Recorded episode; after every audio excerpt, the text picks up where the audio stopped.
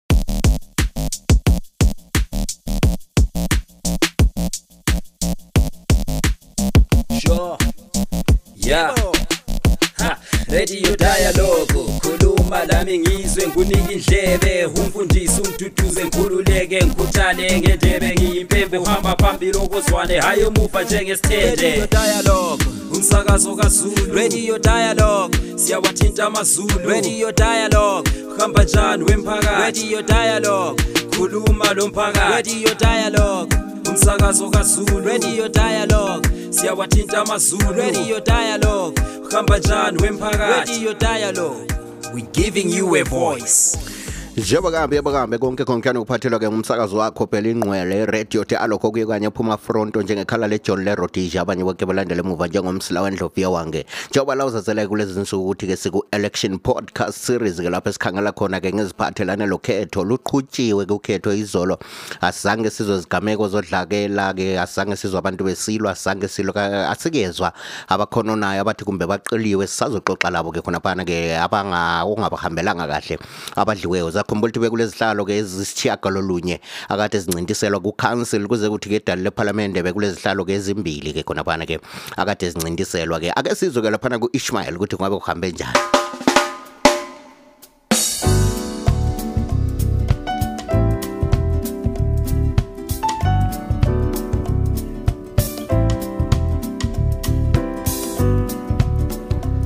thank you cooks um, ama-elections ahambe sharp ama-results have started coming through um, uh, but for bulawayo uh, all the seats that were being contested in bulawayo were grabbed by citizens coalition for change uh, members uh, you talk of the two constituencies which is pumula and nkulumane they were taken back by those candidates who were holding them before. Ah, Nkulumane Ugucacapulu went back, he won the seat, eh, then for Pumula constituency, Ustrelesile Mahlangu won the seat, then for the local councils, uh, all the seats were, eh, like I said, they were taken by Triple C. Uh, namely, Mkanwini, Mkanwini, we've got Mpumelelo Moyo, uh, who was competing with one of his own from the same party, Mr. Nomen Hlabano. Um, although Nomin Hlabano was the was the councillor who was recalled, this time he lost the election, so he lost it to Mr. Mpumelelo Moyo. He's now the incoming councillor. Then from Popoma constituency,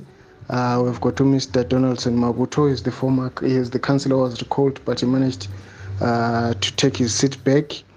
So um, that was uh, the the election for the day. So those are the new councillors coming through.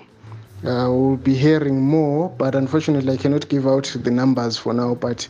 the margins were quite high for EE Citizens Coalition uh, for Change. Uh, but uh, the sad part, though, is the turnout because some some of the candidates won by 780 votes,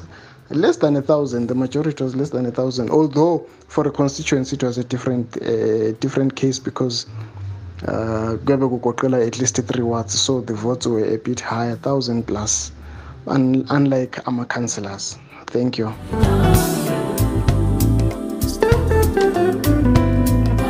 konke khona ukhani ukuphakulela umsakazo wakho ingcwele yakhona kuyo kanye phuma phambili lakho njalo kusilandela ke bulenjini ku-twitter ihandle yethu ngu-at radio dialogue lakho at radio dialogue revived ke uxolo uxolo sorry ke khonaphana ke ulakho njalo kusilandela kufacebook ikhasi lethu libizwa kuthiwa radio dialogue shortwave ungene khonaphana uzabona ke ezinye iindaba ezimnandi kakhulu esikuphathela zona kuwhatsapp sikhona khona phana ulakho njalo uxhumana lathi ke uxoxe lathi ke sixoxe lokwenzakala kwesakho isigaba ikhona ngapho ke maningi ama-community radios asabaleleyo ke khona phake elizweni lezimbabwe amanye siyathola ke le mvumo siyathola ama-license kungakho ke asoze sixoxe kakhulu ngokwenzakala kwezinye izigaba sigxile kakhulu kokwenzakala khona phedolobheni lakobulawayo njengoba njilo nteke ngike ngavakatshele hyde park yikho lapho kade ngikhona ke nsiyakhava ke ukhetho ke izolo ke laphana ke ngifike ngaxoxa ke lo munye omutsha osakhula ke uxoxele ke olunye udaba ke laphana ke okungabe ke kungezinye zezindaba ke ezicontribute ke laphana ke ukuthi bebe balutshwana kakhulu abantu abazithole bephatheka ekhethweni ngake simuzwe ah engithe ngakunaka kule ndawo yangakithi ngapha e St Peter's village inamba yabantu akade berejistele ukuvota kulolu khetho lwama-mps ibiphansi kakhulu kakhulu kakhulu i'm sure uma ngingaphambanisi ibi-less than 500 or roughly mhlawumbe uma ngathi ngirawundele ku-430 abantu ade berejistele ukuvota eh uthi uyabheka ukuthi leyo number isibalo esincane kakhulu kakhulu kakhulu ngoba le ndawo yakithi mase ngibheka ama-stands i think ama-stands akubo-273 lapho or siwarowundele ku-280 stands of which ma ususenza i-rough estimation ku-280 stands uyabona ukuthi ngamafamily amaningi kakhulu lawo that can calculate to thousands of people phela i-280 stands kwezinye indawo ngamafamily ambalwa per yard so ngabantu abaningi kakhulu labo of which inumber leyo e, esiyibalayo uma ingafiki la 500 yabantu it's a disaster kusho ukuthi singathi three quarters yabantu babe bevele bengavotanga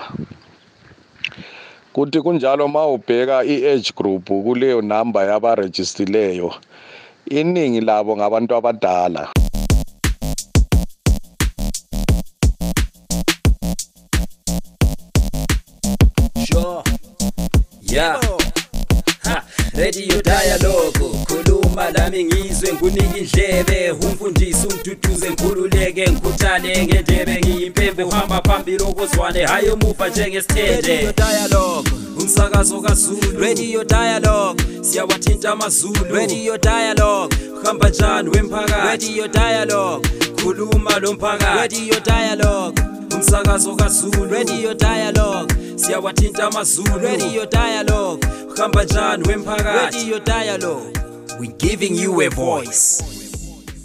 Uh, be bengisachaza ukuthi out of uh, that overall figure eh, abantu abarejistile iningi labo mawuthi uyabheka ngabantu abadala ngabantu abadala impela eh, ongangokuthi ama youth eh, angithembi lokuthi angafika even 40 Uh, out of that uh, 400 and something ama youth awafiki even 40 ama youth awalazithupha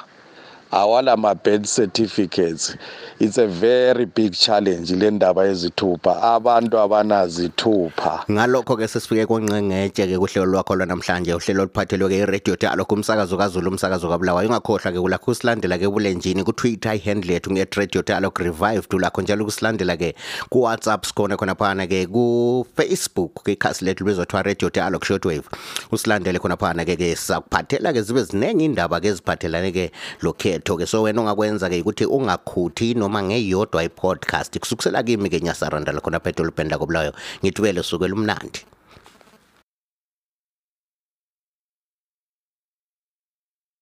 Ah, ngingathi ama-elections ahambe kahle akulo kuningi esingakusola kodwa-ke mina engingakutsho yikuthi abantu sebegijimisa ibizo lephathi abasagijimisi ukuthi umuntu use- uzasebenza njani ngoba abaningi ababuyelileyo ngabantu abayehluleka ukusebenza kodwa ngenxa yamabandla akiwo abakiwo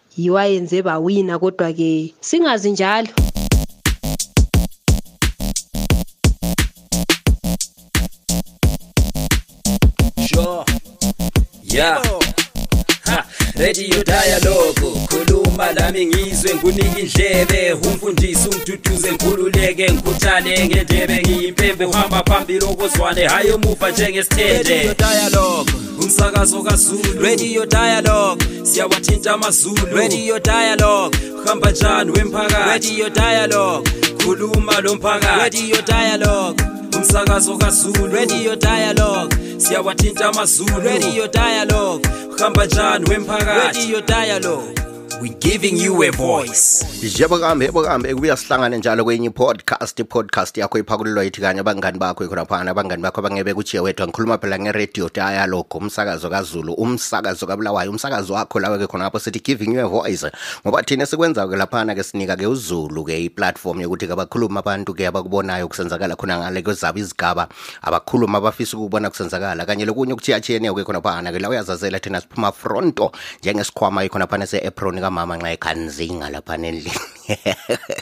kukasenani ingamotshi sakho isikhathi ulakho ukuxhumana lathi khona phana ebulenjini ke nxa ufuna ukusilandela kutwitter ihandle lethu nge-at radio dialogue revived nxa ufuna ukusilandela njalo kufacebook ibizo lekhasi lethu libizwa kuthiwa radio dialogue short wave ungene khona phansi abona ke ezinye indaba ezimnandi kakhulu lakho njalo kusilandela ukuthi ku ku WhatsApp ku WhatsApp ulimi lisukelwa namathela laphana ukuthi ke ngisalokho engikhangele laphana ama results okhetho ke laphana ke lama reactions engiwathole evelile ebantwini amanye angihlekisa iwayenza laphana ulimi lonamathela kwasenani ngingamotsha isikhathi sakho la uyazazela phela i-podcast luhlelo olufitshane ake sizwe ukuthi kade abantu balubone njani ke ukhetho kade likhona bathethe njani ama by elections ngoba ama results aphumile phela Alo, umadlela lo, nilalile inyazaranda lakobulawayo.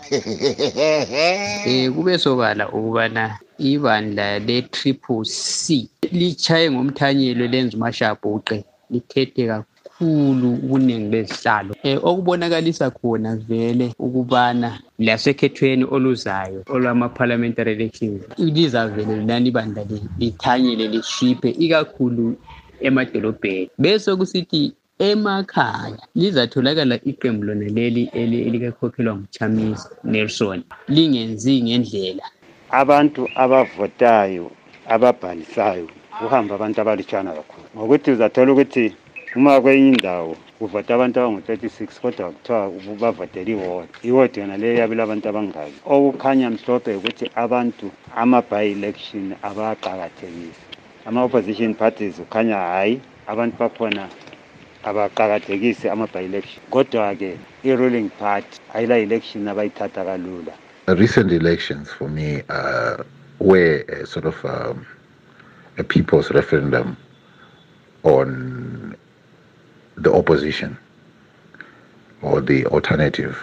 political voice in the country And I think, in a sense, it is a vindication of uh, the leadership of,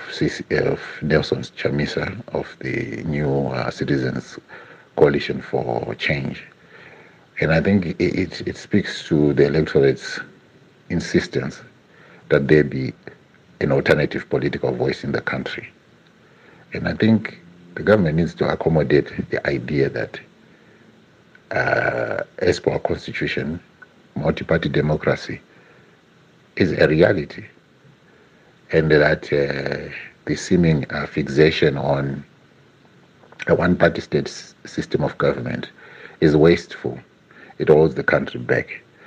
So I think culturally, from a cultural standpoint, the current government just needs to embrace the notion of an alternative voice and not see it as an opposition and see that Zimbabweans do not all think the same and do not wear the same colors.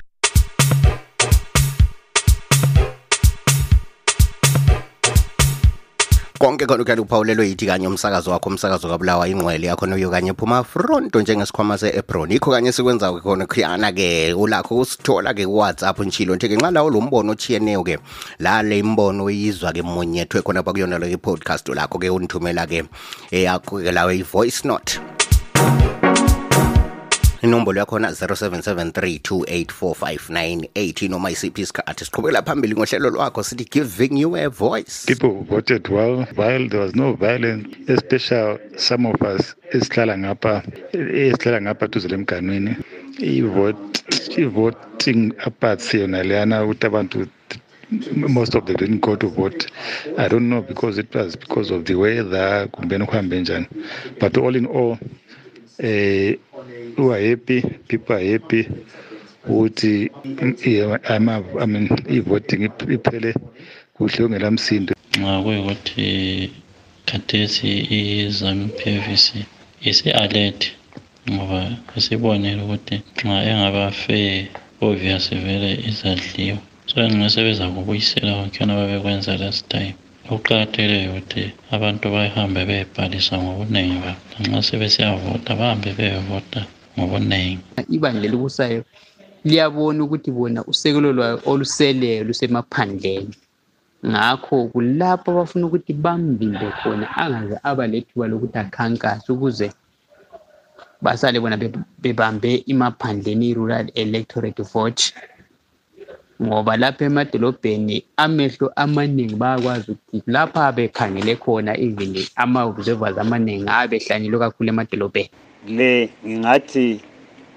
ngabe ngikhuluma ngesikhiwa benyathi wake up call lokhu kutsho ukuthi vuka opposition lapho khona ngiyazi ukuthi uma ngikhuluma kanje eh abantu kwesinye isikhathi abakuthathi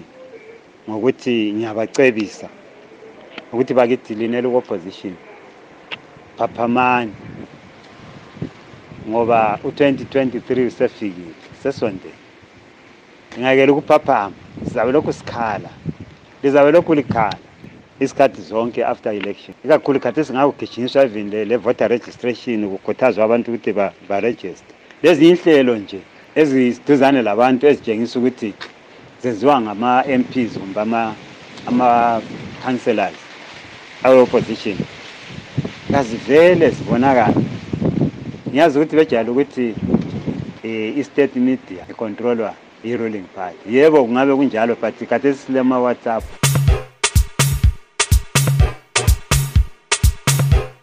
salibonani igama lami ngujonathan ndlovu ihlala enemane jolojo Eh ngithe ngiphawule umbono wami ngama election la sanda kuphela ama by elections. Eh ngapha esigabeni sethu ahambe kuhle kulokuthula okukhulu kungela kuhlukuluzana. ama-results kumbe imiphumela yakhona sibone ibandla lezaphu liveza ikhanda ibandla the singelalo esigabeni sethu but liveza ikhanda sibili hhayi ngendlela ethusayo kwamanye amabandla lo CCC njengoba kuyiqembu elitshe lele-nine months kumbe inyanga ezingu-nine libunjiwe ha lusethusile sibili ukuthi eyi yileli bengunumber two kukhetho then eh, owinileyo umama umusa ncube Ah sijabule kakhulu ngoba ngokuqala ukuthi sibe lomkhokheli ongumama eCholocho and eh, vele ubedume ngani ngendaba zentuthuko enika umama inkukhu ebayenzela ama-projects ebafundisa ukupheka isepa lokunye okuningi so hayi sithi yamhlophe kumama umancube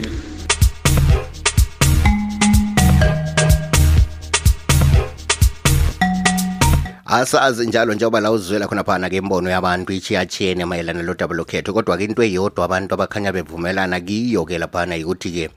abantu ke badonda ukuphatheka ekhethweni ke abantu abakukhuthalelanga ukusukuma bephakame beyevota ke ngendlela ke lapha kumele ukuthi bevote ngayo kodwa ecineni siyabe sesikhalaza njalo sesithi kati lo muntu ungene njani eofisini lwana indaba engangenanga kodwa thina singazange siphakame sihambe siyefaka ethu imbono kusukusela kimi nginyasarandela kobulawayo ngithi asibuye sihlangane njalo kwenye podcast elandelayo kwanamhlanje usale kamnandi